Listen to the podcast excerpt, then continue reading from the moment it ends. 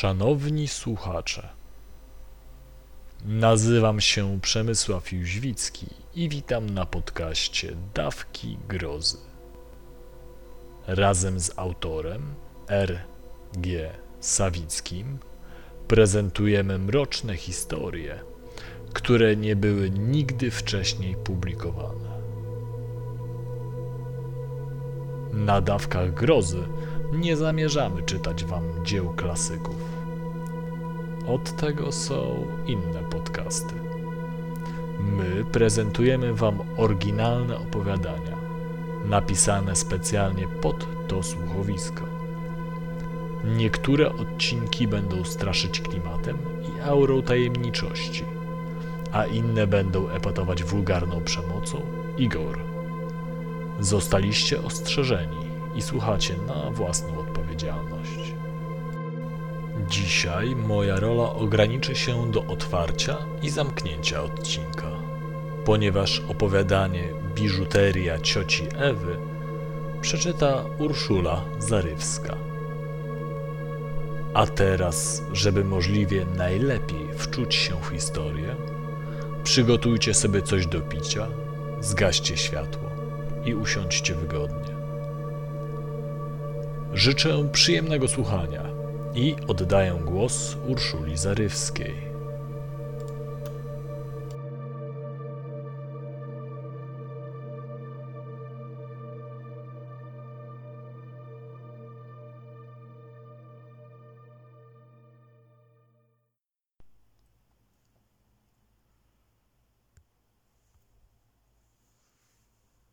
Biżuteria cioci Ewy.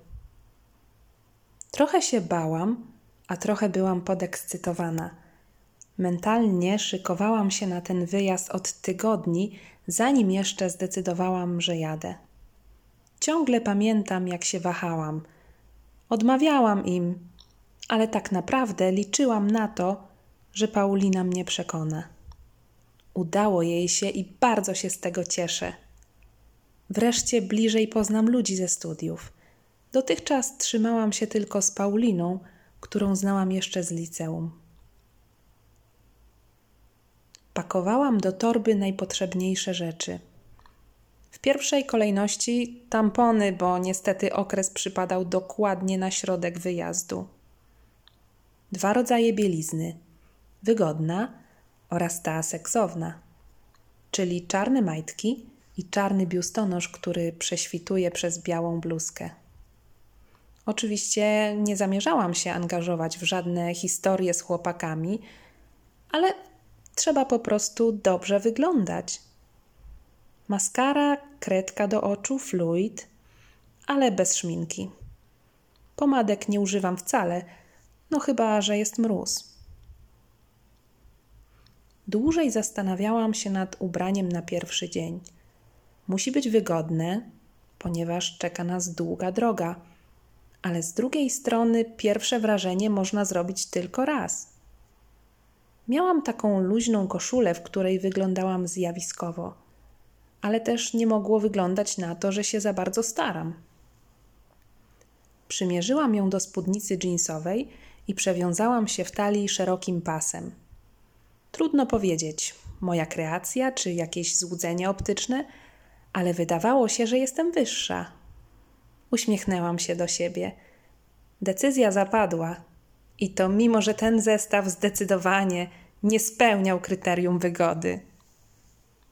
Z rozmyślań, co by tu jeszcze spakować, i ogólnie z dobrego humoru, wyrwał mnie dźwięk telefonu. Miałam w smartfonie osobne dzwonki dla rodziny i przyjaciół, więc od razu wiedziałam, że to moja matka. Momentalnie coś złapało mnie za żołądek. Telefony od rodziny po 22 nie oznaczają niczego dobrego. Odebrałam i usłyszałam głos matki. Był zmęczony i smutny, ale od razu wiedziałam, że z ojcem i bratem wszystko w porządku. Gdyby chodziło o nich, brzmiałaby zupełnie inaczej. Mimo to jeszcze nie poczułam ulgi i z telefonem przy uchu musiałam podejść do okna, gdzie było mi łatwiej oddychać. Czy pamiętasz ciocię Ewę? zapytała niepotrzebnie matka. Oczywiście, że pamiętałam. To od cioci dostałam nowy samochód na osiemnaste urodziny. I to pomimo faktu, że nie miałam wtedy prawa jazdy. Ciocia Ewa nie żyje. Pogrzeb w przyszłym tygodniu. Zdawało się, że chce coś jeszcze dodać, ale tego nie zrobiła. Domyśliłam się, że chodziło jej o wyjazd. Spojrzałam na spakowaną w połowie torbę. Przymknęłam oczy.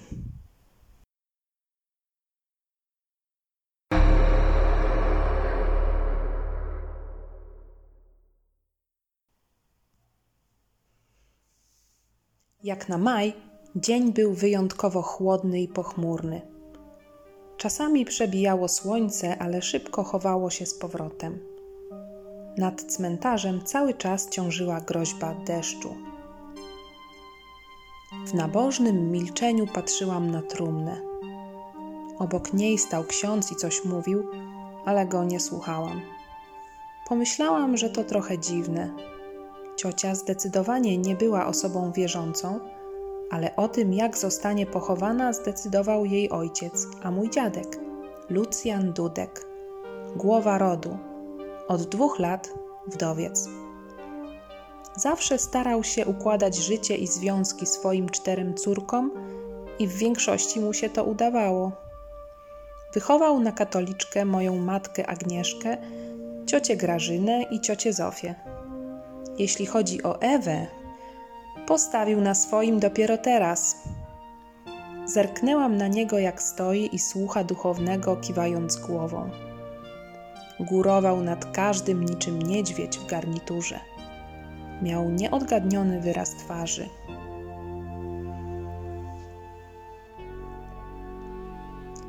Popatrzyłam ponownie na podłużne dębowe pudełko, w którym leżała zmarła.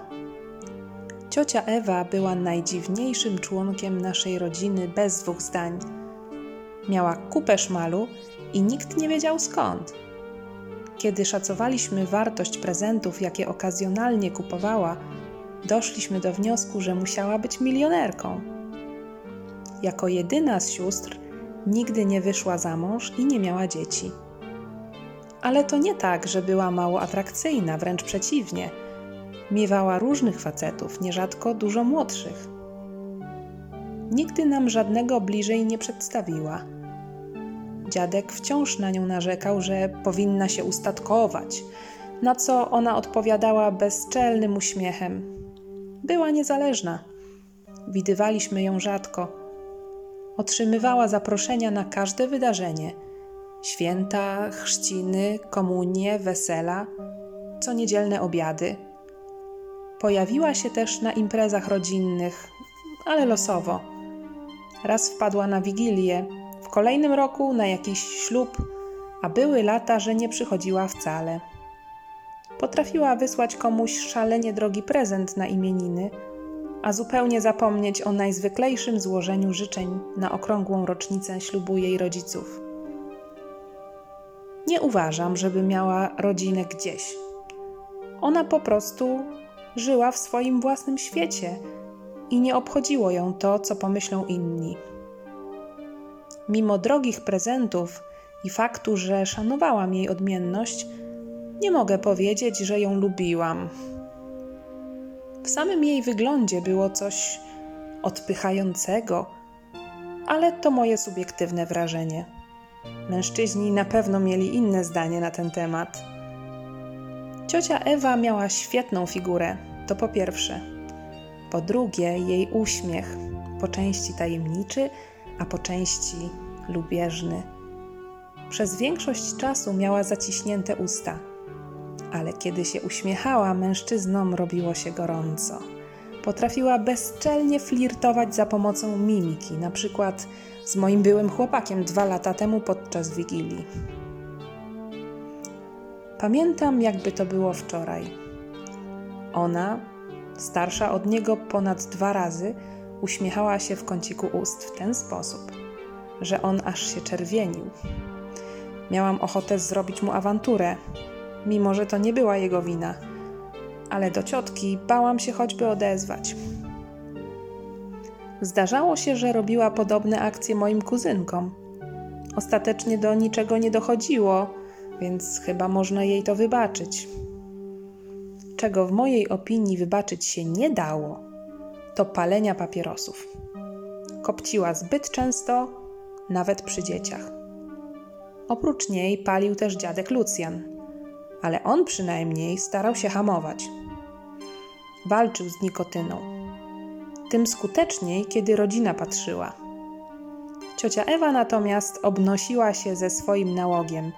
W zasadzie nie wyobrażam jej sobie bez cienkiego papierosa w dłoniach. Nosiła też ciemne okulary, również w pomieszczeniach. Zdejmowała je tak rzadko, że nie potrafię sobie przypomnieć koloru jej tęczówek. Miała wydatne kości policzkowe i zaskakująco mało zmarszczek, jak na kobietę w jej wieku. Nosiła eleganckie, naprawdę świetne kolczyki w uszach i jeden w nosie. Kolejna rzecz, która nie mogła się podobać w naszej konserwatywnej rodzinie. Do tego srebrny naszyjnik typu choker, który mi osobiście się nie podobał. Nie to, że był brzydki, po prostu nie mój gust. Ale wyobrażam sobie, że mógł się podobać facetom. No i te pomalowane na biało włosy sięgały jej do ramion. O dziwo wyglądała w nich świetnie. Ten opis pasował zarówno do cioci Ewy z czasów, kiedy ja byłam dzieckiem, a ona młodą kobietą, jak i do cioci Ewy, kiedy ja dorosłam, a ona zbliżała się do pięćdziesiątki. Dlaczego za nią nie przepadałam? Czyżby przesądził jeden incydent podczas wigilii? Na pewno nie. Chłodne uczucia miałam wobec niej już wcześniej. Prawdopodobnie chodziło o inność. Sama nie określiłabym siebie jako miłującą tradycyjne wartości. Często nie zgadzałam się z rodzicami i dziadkami, ale zawsze darzyłam ich ogromnym szacunkiem. Wciąż to robię. Ciocia Ewa natomiast zdawała się być tego respektu zupełnie pozbawiona. No i porównanie do pozostałych sióstr mojej matki. Grażyna i Zofia na okrągło pytały, co słychać, interesowały się i drążyły nawet te tematy, które zawsze irytują młodych ludzi. Kiedy poznasz jakiegoś odpowiedniego młodzieńca? Dlaczego wybrałaś taki, a nie lepszy kierunek studiów? Zachowania miłe oraz wkurzające sprawiały, że Grażyna z Zofią były normalne, a nawet w pewien sposób bliskie. Ciocia Ewa z kolei nigdy o nic nie pytała. Nie pamiętam, żeby choć raz wzięła na ręce jakieś małe dziecko swoich sióstr. Podejrzewam, że mogła nawet nie wiedzieć, jak kto się nazywa. Wyobraziłam sobie, że podczas przysyłania prezentów rozpisywała drzewo genealogiczne, w którym notowała. Drugi bachor mojej siostry numer jeden, trzeci bachor mojej siostry numer dwa i tym podobne. A obok zaznaczała fajeczką, czy wysłano już drogi prezent, czy jeszcze nie. Taki notes byłby zupełnie w jej stylu. Mimowolnie uśmiechnęłam się na tę myśl, ale zaraz spoważniałam, bo przypomniałam sobie, że jestem na jej pogrzebie. Kiedy wszyscy weszli do lokalu na stypę, zaskoczyła mnie moja matka. Najpierw odciągnęła mnie na bok. Potem wręczyła mi ciężki pęk kluczy i dała kartkę z adresem. Poinstruowała, że im szybciej to załatwię, tym lepiej. Dlaczego ja? Dlaczego w ten sposób? Zapytałam, choć wszystkiego mogłam się sama domyślić. Matka nachyliła się do mnie i zaczęła tłumaczyć szeptem. Kiedy słuchałam jej argumentów, robiło mi się niedobrze. Wyszło na to, że mieliśmy być pierwszymi sępami, które przystąpią do żeru. Zaczynałam nabierać większego szacunku do zmarłej. Ona przynajmniej nikogo nie udawała.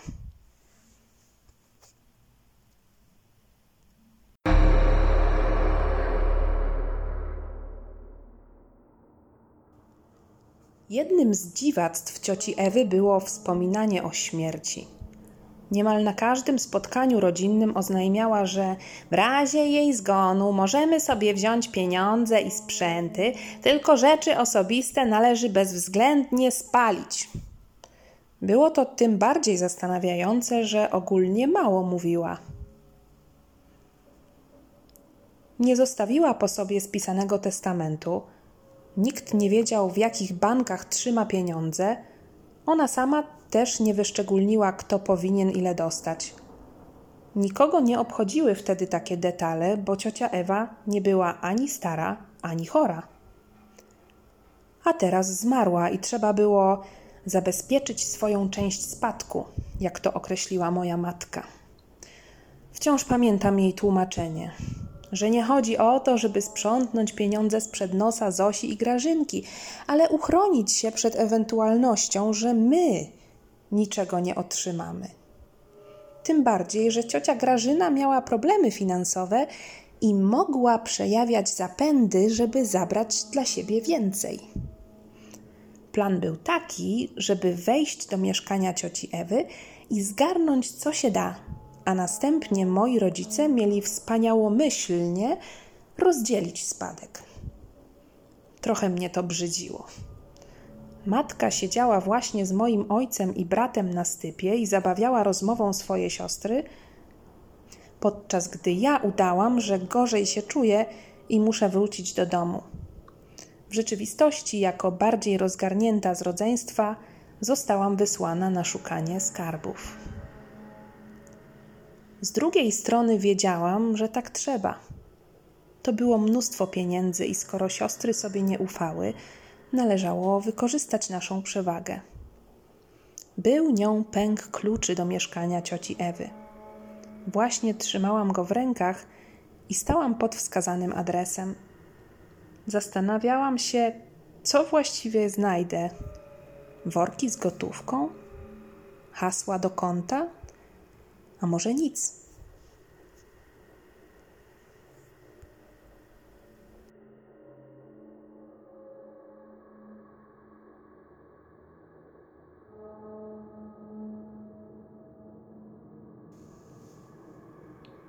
Nowe osiedle, ulica Relaksowa, parking ze szlabanem tylko dla mieszkańców.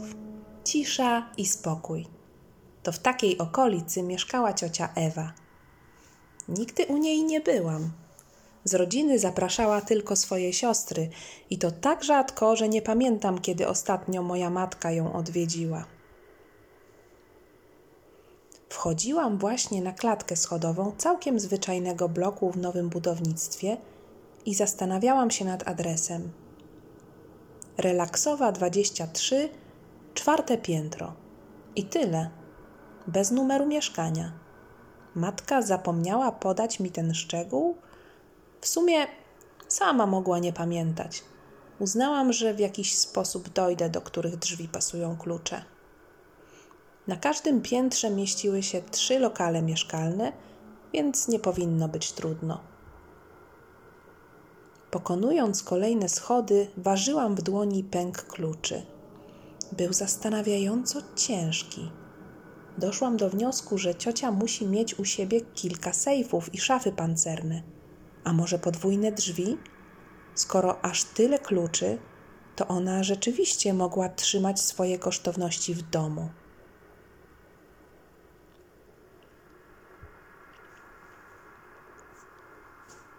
Dotarłam na czwarte piętro. Odróżniało się od pozostałych.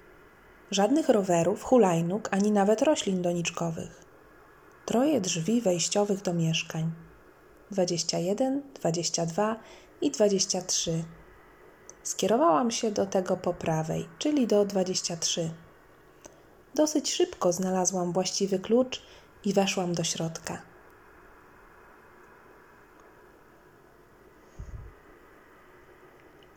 Panował lekki zaduch. Zwyczajna sprawa, kiedy od paru dni nikt nie otwiera okien.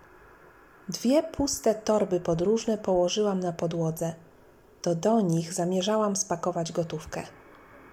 Garsonkę zostawiłam na wieszaku i skierowałam się do kuchni. Wyjęłam szklankę z kredensu i napiłam się wody z kranu. Kuchnia była utrzymana w niemal idealnym porządku. Jedynie cienka warstwa kurzu zalegała na parapecie.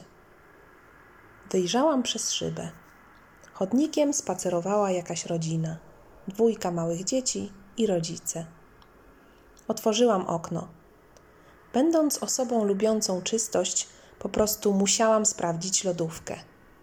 Dostrzegłam tylko nieotwarte białe wino, a w koszu pod zlewem brakowało nawet papierka. Wzruszyłam ramionami i wróciłam do przedsionka.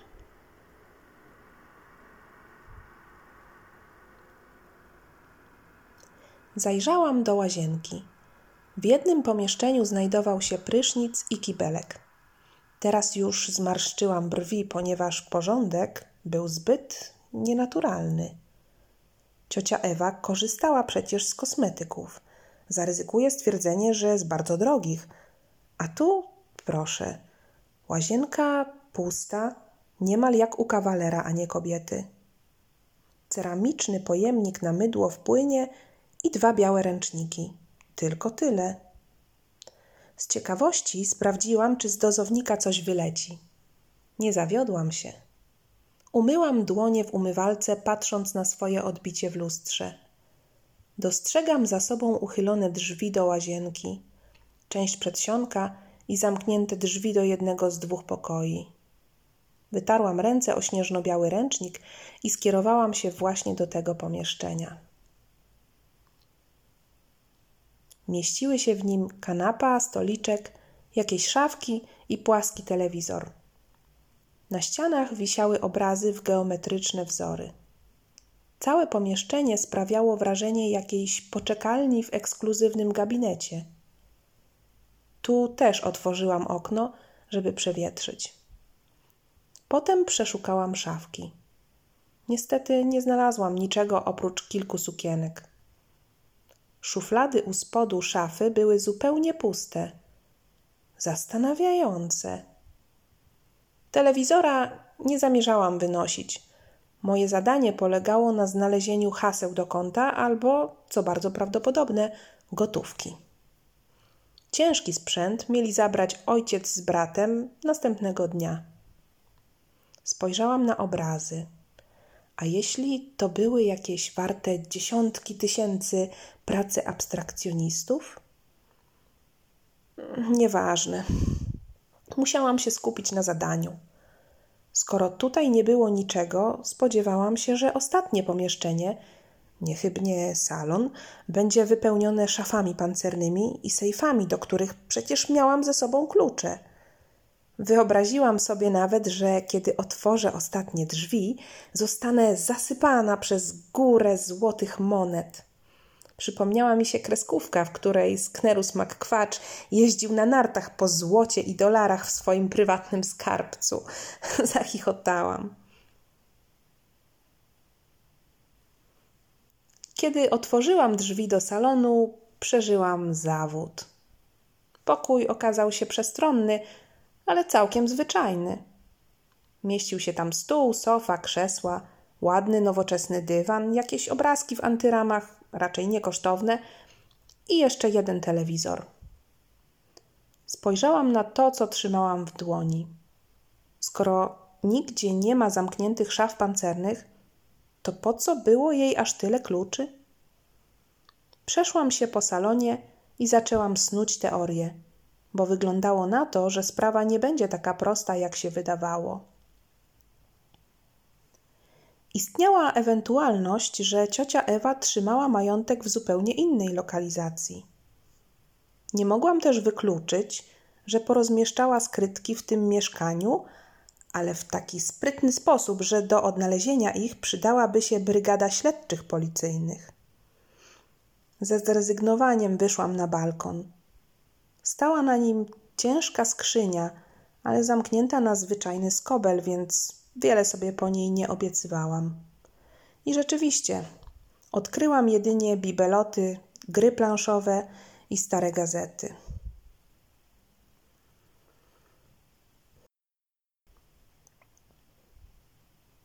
Oparłam dłonie o barierkę. Balkon wychodził na drugą stronę bloku, więc zamiast chodnika przed klatką widziałam plac zabaw, bibliotekę, a w oddali miasto i szosę prowadzącą do centrum. Dochodziły do mnie odgłosy dziecięcych zabaw, szczekanie psa i silnik wyjeżdżającego z garażu samochodu. No tak, trzeba będzie przeszukać garaż. Ale to na końcu. Przecież jeszcze nie skończyłam tutaj.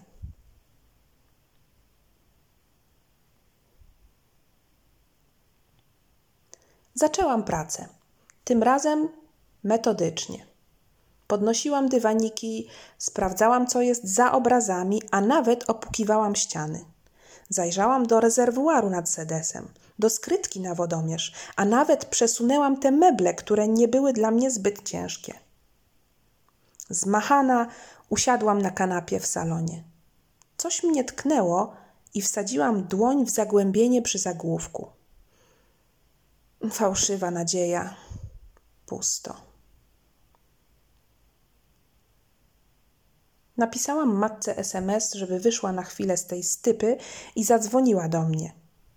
Po chwili już z nią rozmawiałam.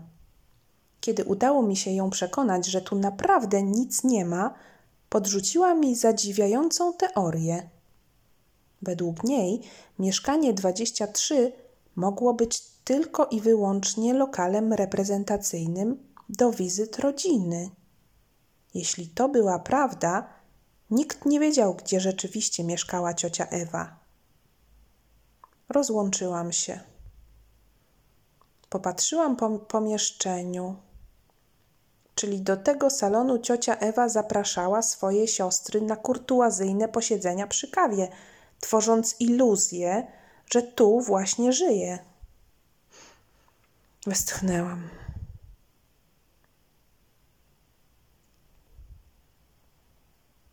Z poczuciem, że przynajmniej się starałam, opuściłam lokal 23.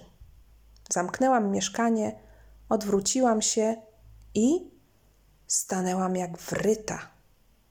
Popatrzyłam na 21 i 22, a następnie na kłębowisko kluczy w moich rękach. Zapukałam do 22. To były stare, ale solidne dębowe drzwi. Kojarzyły mi się ze staruszkami na emeryturze. Patrzyłam w zamglone oko wizjera i czekałam. Tak jak podejrzewałam, nikt nie otworzył. Zaczęłam sprawdzać klucze. Wreszcie trafiłam na właściwy. Spodziewałam się, że będzie mi go ciężko przekręcić. Było wręcz przeciwnie. Zamek chodził tak gładko, że otworzyłoby go dziecko. Weszłam do środka.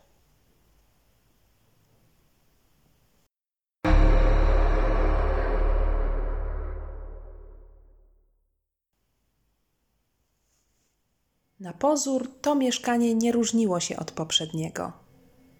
Podobny, choć dłuższy przedsionek, drzwi do poszczególnych pomieszczeń zamknięte, na końcu przejście do kuchni. Ale panowała tu zupełnie inna atmosfera.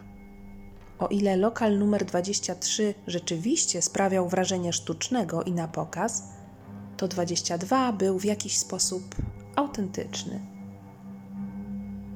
Zamknęłam za sobą drzwi i poczułam się dziwnie odizolowana. Położyłam torby obok dywanika, ponieważ całą jego powierzchnię zajmowały cztery pary butów.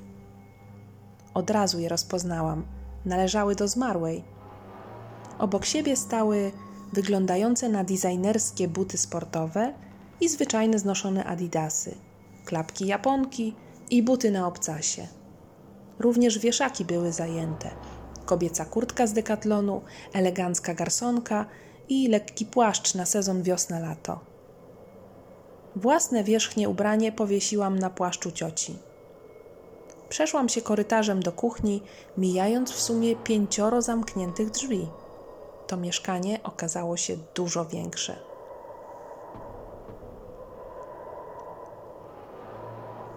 Kuchnia wydawała się znacznie ciemniejsza. Może to przez eleganckie brązowe wstawki na białych ścianach? Nie tylko. Podeszłam do okna, które zostało uchylone. Przez szybę wpadało mało światła, ponieważ na niebie pojawiła się masywna czarna chmura.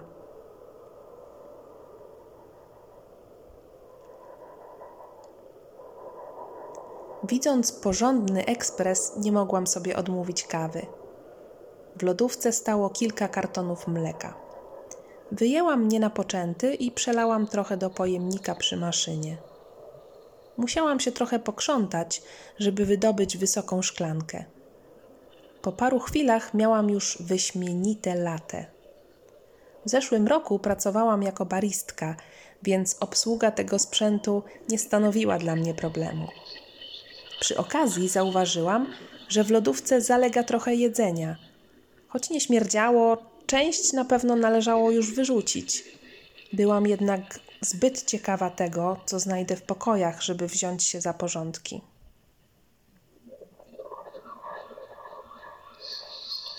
Z kuchni skierowałam się do pomieszczenia skrytego za ładnymi niebieskimi drzwiami. Szybko zrozumiałam, że to sypialnia. Jakoś się wstydziłam, więc uznałam, że zostawię ją na koniec. Przymknęłam drzwi i ruszyłam ku łazience. W jednym pomieszczeniu był kibelek, a w drugim ogromna wanna. Zbliżyłam się do niej i uznałam, że to jacuzzi. Na szafce obok dostrzegłam to, czego brakowało mi w lokalu 23 kosmetyki, same na bazie naturalnych składników.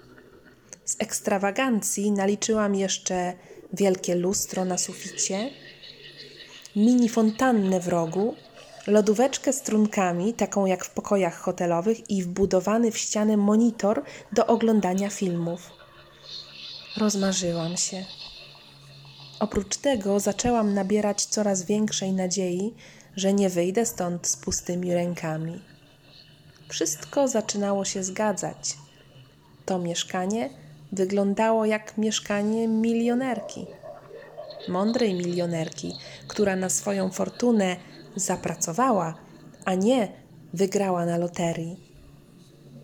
Ciocia Ewa lubiła korzystać ze swojego bogactwa, ale dużą jego część ukrywała przed oczami innych ludzi.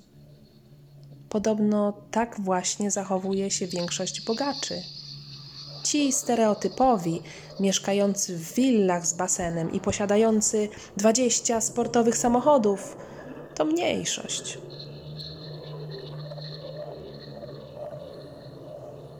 Opuściłam łazienkę i skierowałam się do pomieszczenia za brązowymi drzwiami. I w nim przeżyłam lekki szok. Uderzył mnie smród, kiedy tylko uchyliłam drzwi. Rozlał się po całym przedpokoju. Zakrztusiłam się. Zakryłam nos i usta dłońmi i wkroczyłam do środka. Od razu zlokalizowałam źródło zapachu. Na jednej ścianie stały klatki wypełnione trocinami, a w nich myszy albo małe szczury. Wszystkie zdawały się martwe. Przy oknie natomiast znajdowało się ogromne terrarium. Ostrożnie zbliżyłam się do szyby. Nie znam się na gadach i ogólnie nie lubię zwierząt, których nie można pogłaskać po futerku. Nic więc dziwnego, że nie wiedziałam, co to za stworzenia. Jakieś duże jaszczurki? Nie potrafiłam ocenić, czy martwe, czy po prostu trwały tak w bezruchu. Popatrzyłam jeszcze raz na biedne gryzonie. Jeden z nich pochwycił moją uwagę, bo leżał, ale zdawał się poruszać. Podeszłam i przybliżyłam głowę. Myszka nie miała oczu, a to, co się poruszało, to larwy pod jej skórą. Powstrzymałam odruch wymiotny i wybiegłam z pomieszczenia. Zamknęłam za sobą drzwi, ale odór zdążył się roznieść po mieszkaniu.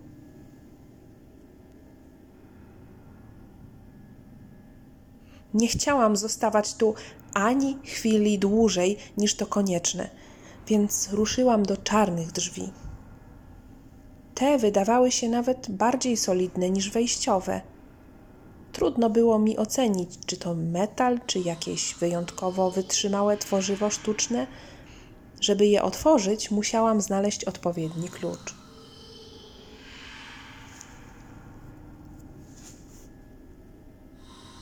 Wkrótce uporałam się z dwoma zamkami i wkroczyłam do dużego pokoju. Ze spodziewanych elementów wystroju zauważyłam trzy fotele, sofę i wielką szafę.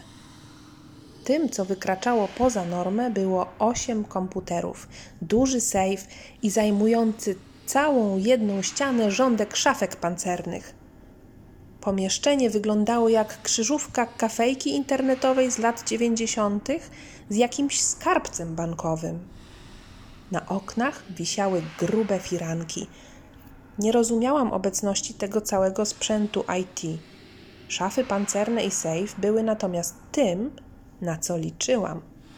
Mimo wszystko ich widok mną wstrząsnął.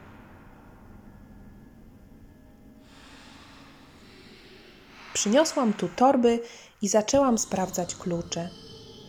Czułam się trochę jak złodziejka.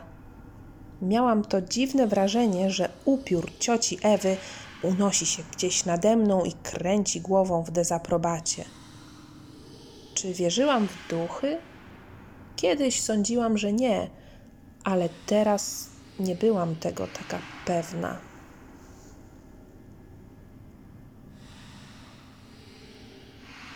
Klucze pasowały, a w szafach leżały jakieś monety i pozwijane w rulon banknoty. Serce biło mi coraz szybciej. Pamiętałam słowa cioci o tym, że w razie śmierci pieniądze można wziąć. Wiedziałam też, że po prostu nam się należą. To pomogło mi zmotywować się do pracy. Pakowałam skarby naprawdę powoli. Chciałam w ten sposób sama siebie przekonać, że nie jestem intruzem. Złodziej musiałby działać w pośpiechu, nowy właściciel nie. Ciekawiło mnie, co to za monety. Wzięłam jedną. Była dosyć spora i opakowana w przezroczysty plastik. Z jednej strony znajdował się profil jakiegoś brodatego mężczyzny, a z drugiej gazela albo antylopa, chyba złoto. Ale czy nie powinno się bardziej świecić?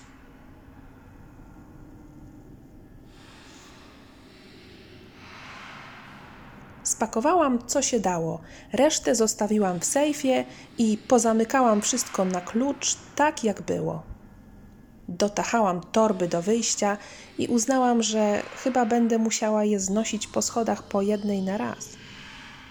Zanim opuściłam mieszkanie 22, przypomniałam sobie o sypialni. Z jednej strony miałam już więcej niż potrzebowaliśmy, ale po prostu nie mogłam się oprzeć. I to pomimo wstydu i wrażenia, że dusza cioci stoi w rogu i mnie ocenia.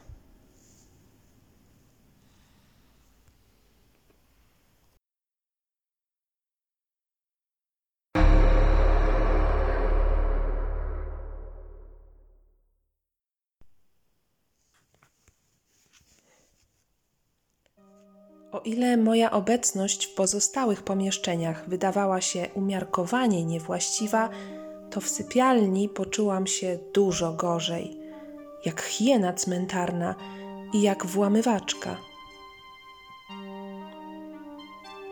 Każdy z pokoi, które wcześniej odwiedziłam, wyglądał tak, jak należący do osoby niedawno zmarłej. Natomiast widząc sypialnię, Miałam wrażenie, że ciocia Ewa wyszła tylko na chwilę i zaraz wróci. To było łóżko żyjącej osoby, niepościelone. Zdawało się wciąż ciepłe. Ładowarka od telefonu tkwiła w gniazdku. Na stoliku leżała otwarta paczka papierosów i kilka petów w popielniczce. Czy jeden wciąż się tlił? Nie, to tylko moja wyobraźnia. Na tym samym stoliku leżały kolczyki, naszyjnik i pierścionek, te, które najczęściej nosiła. Okno nad łóżkiem pozostawało otwarte, a wiatr wpychał firankę do środka. Nadciągała burza. Na brzegu łóżka leżała jeszcze sukienka. Dobrze ją pamiętam, bo moja kuzynka Edyta bardzo jej zazdrościła cioci Ewie. Idę o zakład, że gdyby tu była, wzięłaby ją dla siebie. I nic dziwnego, sukienka wyglądała zjawiskowo. Miała asymetryczny krój i materiał tak przyjemny w dotyku, że trudno było się oderwać od gładzenia jej dłonią. Sama bym ją zabrała, ale byłam zbyt niska, żeby ją nosić. Przyłożyłam ją tylko do ciała i wyobraziłam sobie, jakbym wyglądała w takiej samej, ale uszytej na mój rozmiar. Westchnęłam i momentalnie poczułam się głupio.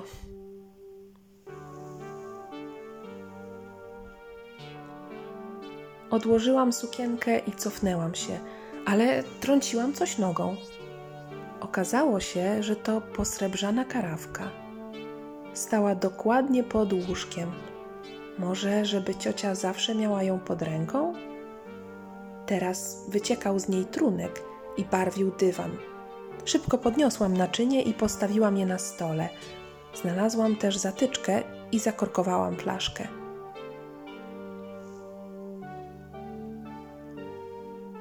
Po raz pierwszy zrobiło mi się naprawdę smutno. Na pogrzebie było poważnie i nabożnie, ale bez emocji. Teraz to co innego. Miałam przed sobą najbardziej osobiste przedmioty cioci Ewy. Poruszyło mnie to bardziej niż patrzenie, jak drewniane pudło wjeżdża do dołu. Poczułam, jak coś wędruje od dołu moim przełykiem. Zbierało mi się na płacz. Pomimo swoich dziwactw, ciocia musiała nas kochać, a teraz leżała kilka metrów pod ziemią. Już nigdy nie nałoży na siebie tej sukienki ani biżuterii.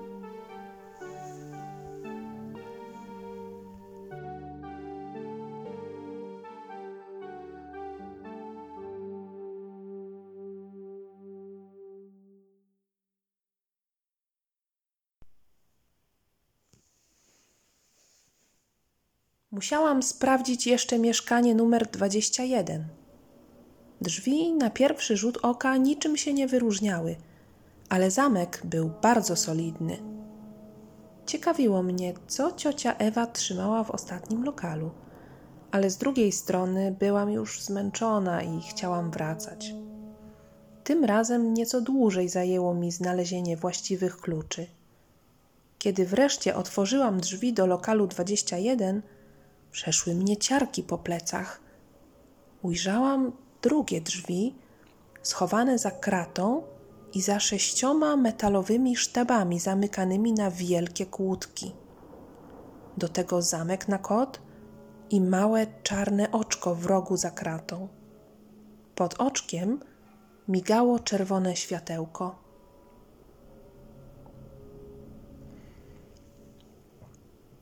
Przełknęłam ślinę. Nie chciałam tam wchodzić, ale musiałam spróbować dla świętego spokoju. Na szczęście żaden z kluczy nie pasował, nie wspominając już o tym, że nie znałam kodu. Zastanawiałam się chwilę, czy nie zapukać albo przystawić ucho najbliżej jak się da, ale zrezygnowałam. Cokolwiek ciocia Ewa trzymała w lokalu numer 21, pozostanie dla mnie tajemnicą.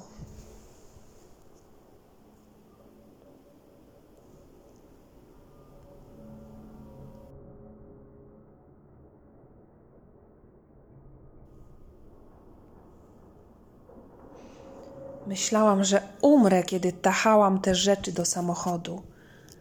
Uchwyt od torby odcisnął mi się na barku i obtarł skórę. Przypomniało też o sobie prawe kolano. Ból pulsował w samej rzepce i wędrował ku górze. Takie ciężary to nie na moją posturę. Siedziałam teraz w nagrzanym aucie i odpoczywałam. Otworzyłam obie szyby, żeby zrobić przewiew. Było parno. do tego zrobiło się naprawdę ciemno. Jak na tak dużą chmurę padał tylko lekki deszcz. Jego krople zdawały się parować od razu po zetknięciu z asfaltem. Poczułam ten charakterystyczny zapach i przypomniały mi się słowa tako. Deszcz na betonie, deszcz na betonie. Zamknęłam oczy i relaksowałam się. Wtedy zadzwonił telefon. Aniu, słuchaj, oni też jadą. Musisz się streszczać. To była moja matka. W porządku, mamo. Mam już wszystko.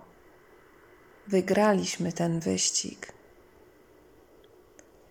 Jeszcze niedawno czułam się jak padlinożerca, a teraz przepełniała mnie duma. Co za niesamowity dzień. Zaraz po tej rozmowie nadeszła burza. Była krótka i gwałtowna. Przeczekałam ją w samochodzie. Kiedy mogłam już jechać, odpaliłam silnik i ruszyłam. Przy wyjeździe z osiedla zobaczyłam Łukasza, syna cioci Grażyny, w jego Audi A3.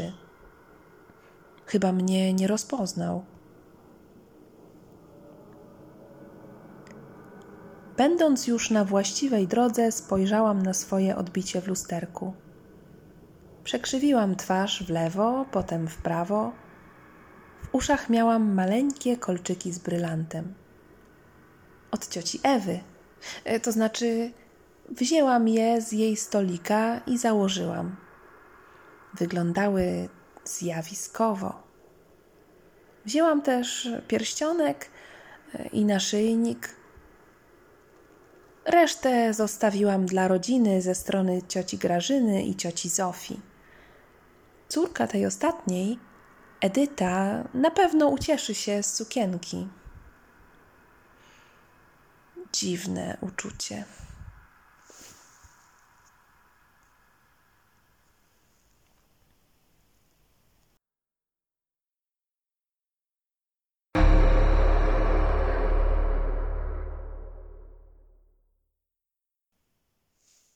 Kolejny tydzień przeżyłam odcinając się od życia rodzinnego.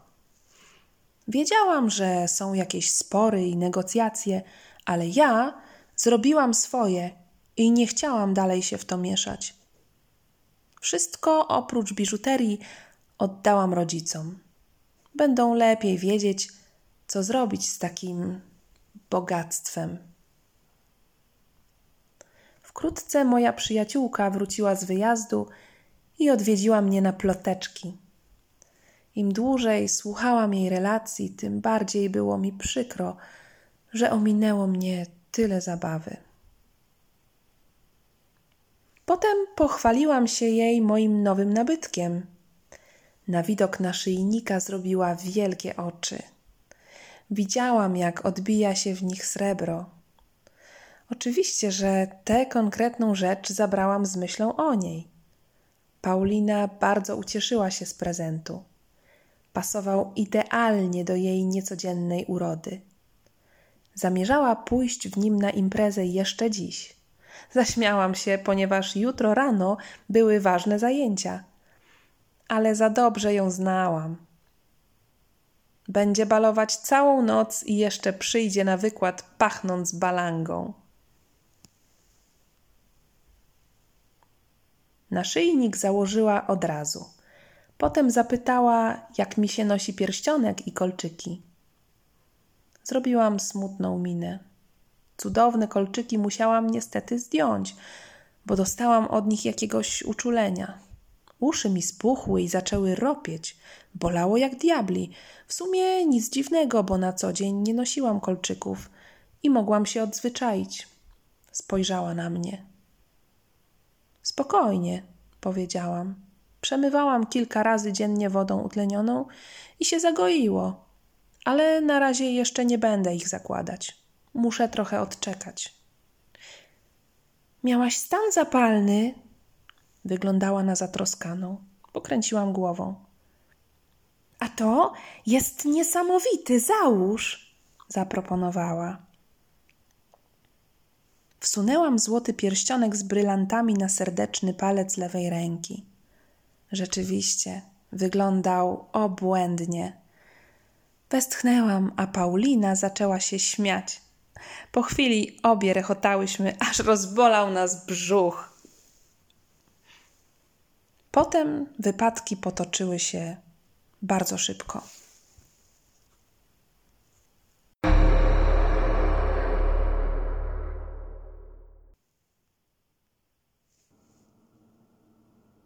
Siedziałam w ławce na środku sali i trzymałam miejsce dla Pauliny. Niepokoiłam się. Bez względu na to, jak ostro balowała, nigdy nie spóźniała się więcej niż dwadzieścia minut.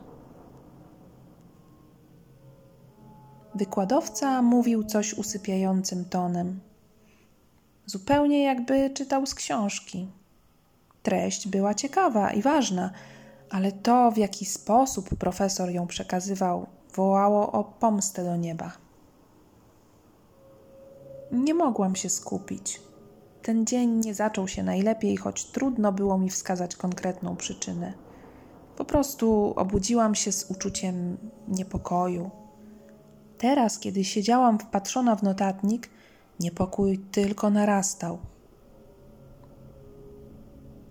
Zerkałam co chwila na telefon, sprawdzając czas. Spóźniała się już 45 minut. Nie odpisywała. Połowa wykładu. Coś musiało się jej stać.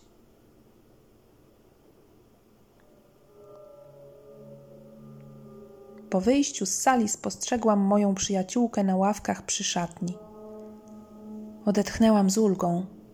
Okazało się, że była tak zmarnowana, że zwyczajnie sobie odpuściła. A telefon zgubiła w klubie. Pokręciłam głową z dezaprobatą. To trzecia zguba w tym semestrze. Widzę, że się przynajmniej przebrałaś. Uśmiechnęłam się do niej. Tak, ale tego nie mogłam zdjąć, wskazała na naszyjnik. Trudno mi złapać za zapięcie, ciągle mi ucieka. Muszę go poluzować, jest za ciasno. Początkowo uznałam, że celowo przyszła w naszyjniku na zajęcia, ale widocznie nawet ona musiała od czasu do czasu odpocząć od zwracania na siebie uwagi. Stanęłam za nią i chwyciłam za zapięcie.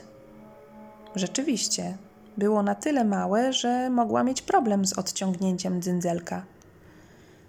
No i gotowe, powiedziałam, ale zdecydowanie za wcześnie.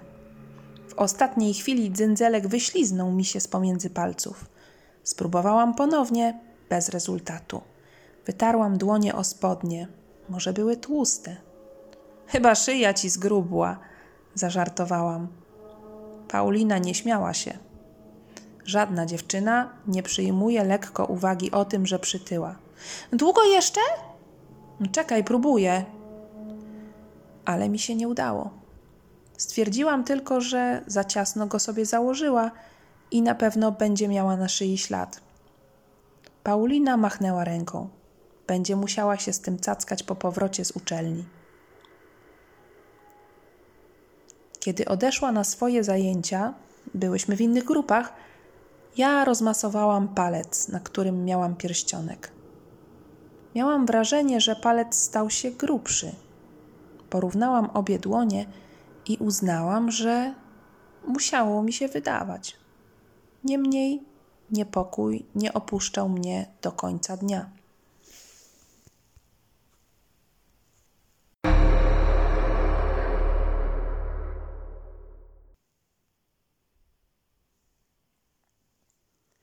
Nazajutrz obudziłam się z bólem.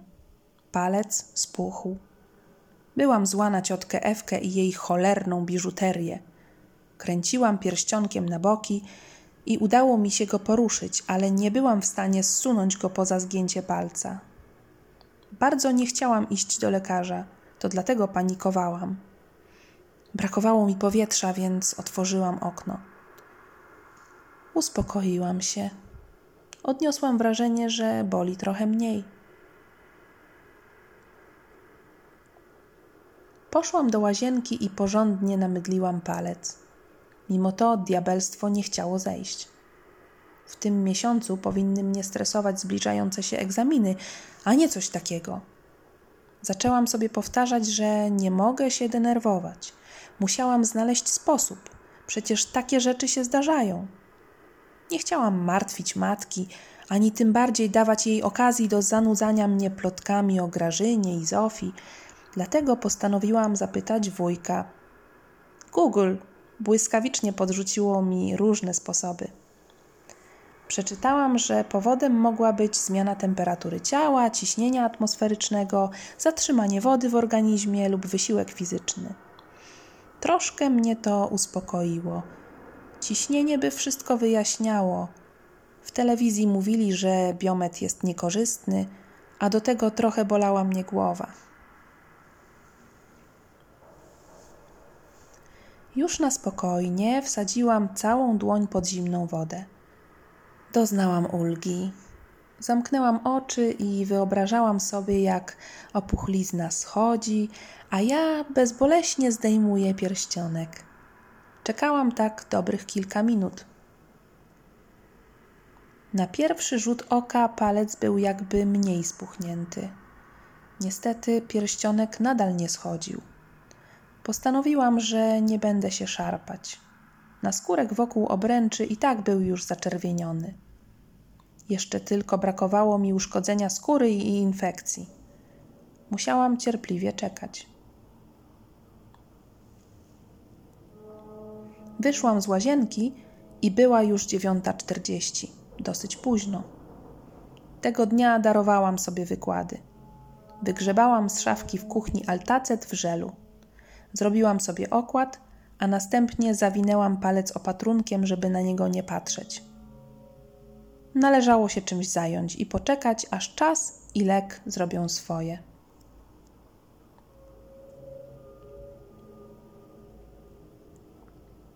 Poszłam po zakupy, na spacer, oglądałam seriale, starałam się nie myśleć o problemie, ale palec ciągle mi dokuczał. Pulsujący ból nasilał się, kiedy próbowałam zacisnąć pięść. Niestety nie mogłam się powstrzymać i robiłam to co jakiś czas, choć ostrożnie. Sama nie wiem dlaczego. Może chciałam się w ten sposób upewnić, że ciągle mogę ruszać palcem? To trochę tak jak z bąblem po ugryzieniu komara. Każdy wie, że nie powinien drapać, a jednak to robimy. W ciągu dnia trzy razy zdejmowałam opatrunek, obmywałam palec i nakładałam nową porcję altacetu. Nie wiedząc czemu, pomyślałam o ciotce. Właściwie na co zmarła? Nikt mi nie powiedział, a ja nie pytałam. Wyobraziłam sobie słowa dziadka Lucjana – Zmarła, ponieważ źle się prowadziła. W rzeczywistości wiedziałam, że nigdy nie powiedziałby czegoś takiego o swojej córce, ale mógł tak pomyśleć. Wieczorem odzyskałam nieco spokoju. Wierzyłam, że jutro będzie lepiej. Opuchlizna na pewno zejdzie, bo skoro zasnę, nie będę ruszać palcem bez potrzeby zmęczona tkanka odpocznie, a rano będę mogła pozbyć się pierścionka. Miałam też plan B.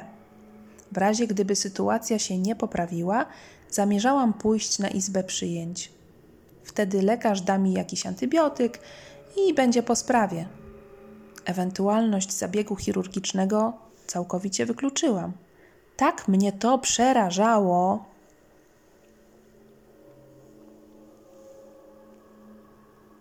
Kładąc się na przyjemnie chłodnej poduszce, myślałam pozytywnie. Czytałam o tym kiedyś książkę. Dobre myśli przyciągają szczęśliwe wydarzenia, a zamartwianie się prowadzi do nieszczęść. Wymusiłam uśmiech na ustach i spojrzałam na telefon. Dopiero dwudziesta. Ale w tej sytuacji może lepiej wcześniej iść spać. Sen leczy rany, powiedziałam do siebie i pomimo bólu zasnęłam prawie od razu.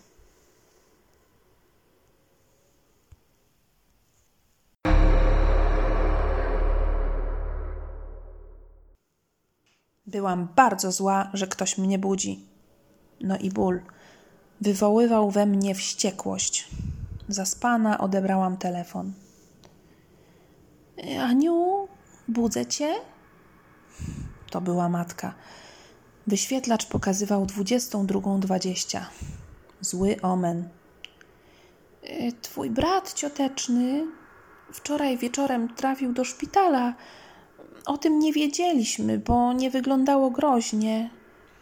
Ale teraz zmarł. Po niedzieli planujemy pogrzeb. Jej słowa dochodziły do mnie jak przez mgłę. Mój brat cioteczny? Łukasz? To straszne. Mamo, napisz mi SMS-em, kiedy i gdzie uroczystość. Nie mogę teraz rozmawiać. Coś się dzieje? Nie, nie, po prostu muszę pilnie pójść do toalety. Skłamałam. W rzeczywistości martwiłam się o mój palec. W pokoju panowała ciemność i nie wiedziałam, w jakim jest stanie. Miałam wrażenie, że ból stał się inny. Oprócz tego, że pulsował, zdawał się szarpać i rozchodzić na całą dłoń. No i poczułam coś mokrego, i to nie był żel.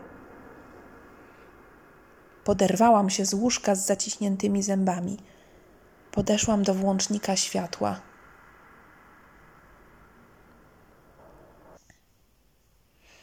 Kiedy to zobaczyłam, chciałam krzyknąć.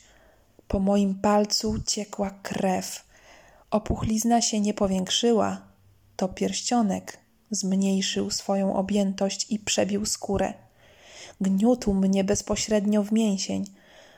Udało mi się nabrać powietrza do płuc i zawyłam z bólu. Prawą dłonią chwyciłam się za nadgarstek i patrzyłam na siną opuszkę serdecznego palca, to znowu na kleistą czerwień wokół złotego pierścionka. Wrażenie zgniatania nabrało na sile. Nie mogłam stwierdzić, czy obręcz zaciskała się coraz szybciej, czy raczej patrzenie na ranę sprawiało, że odczuwałam wszystko z większą mocą. Chciałam sięgnąć po telefon, żeby wezwać karetkę, ale bałam się puścić rękę.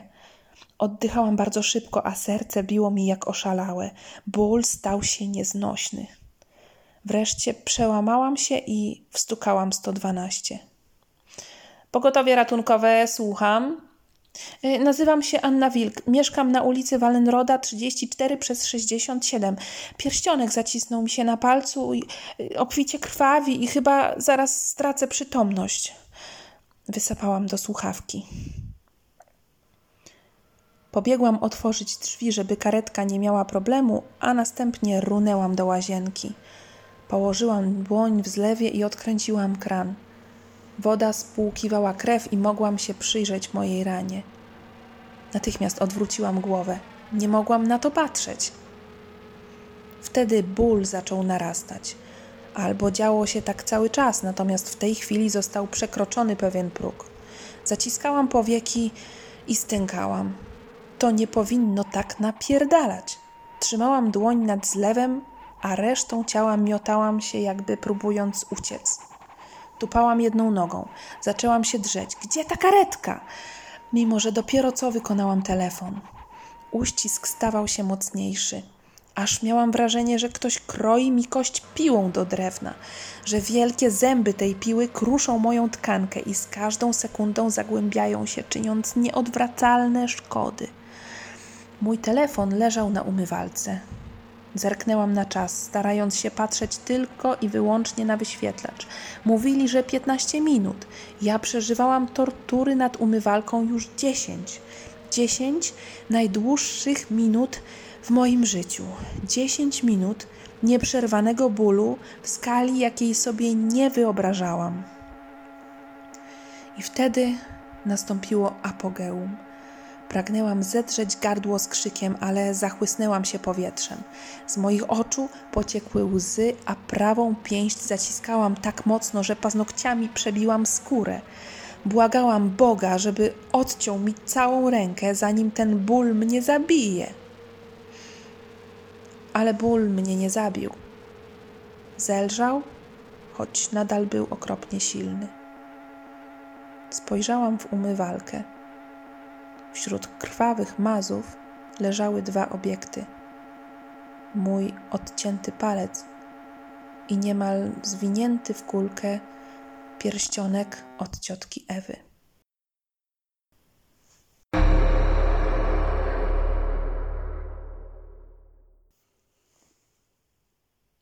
Ratownicy udzielili mi pomocy i choć palca nie udało się przyszyć, jestem zadowolona. Cieszę się, że żyję. Siedzę teraz w poczekalni u psychiatry. Wysłali mnie na badania, bo nie uwierzyli w moją historię. Myśleli, że sama sobie to zrobiłam. Nic dziwnego. Pierścionek na moich oczach wrócił do swojego pierwotnego kształtu i rozmiaru. Akurat zanim ratownicy weszli do mieszkania. Przejdę badania, bo z moją głową jest wszystko w porządku. Będę dalej normalnie żyć. Niestety nie wszyscy mieli tyle szczęścia. Do różnych członków mojej rodziny trafiły przecież pozostałe przedmioty osobiste ciotki Ewy. Łukasz, jak sądzę, poczęstował się trunkiem z karawki. Ciocia Grażyna leży teraz w szpitalu z powodu nowotworu krtani i domyślam się, że ona zgarnęła tamte papierosy. Ciocia Zofia dorwała skądś przeciwsłoneczne okulary ciotki Ewy i przebywa aktualnie na oddziale chirurgii oka. Jeśli chodzi o Paulinę, to nie odbiera telefonu. Mam nadzieję, że się mylę, ale przychodzi mi na myśl jedno słowo: dekapitacja. Jest też pozytywny akcent.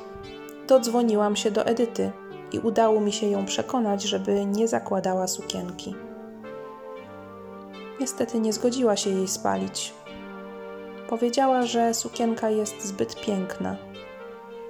No i niby co ona z nią zrobi? Będzie trzymać w szafie i się na nią gapić? Zrobi dla niej ołtarzyk? Oby tylko nie sprzedała jej nikomu. Wiem, że handluje ciuchami na Vinted, więc istnieje takie niebezpieczeństwo. Jeśli chodzi o złoty pierścionek z brylantami i kolczyki, ja również nie miałam serca ich zniszczyć. Trzymam więc biżuterię ciotki Ewy w drewnianej szkatule. Może jej nigdy nie wyjmę? Może wręczę ją komuś, kogo nienawidzę? A może przyjdzie taki czas, że mimo straszliwych przeżyć ulegnę pokusie i jeszcze raz ubiorę się w najpiękniejszą biżuterię na świecie?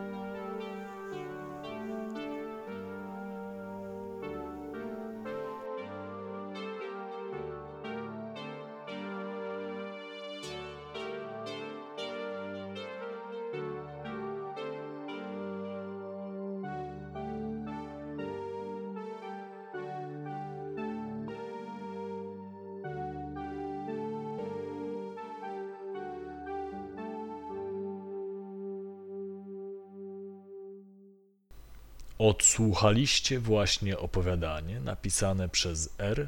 G. Sawickiego. Czytała Urszula Zarywska. Był to debiut Urszuli jako lektorki. Tym samym spełniła ona swój cel, ponieważ zawsze chciała spróbować swoich sił w tej roli.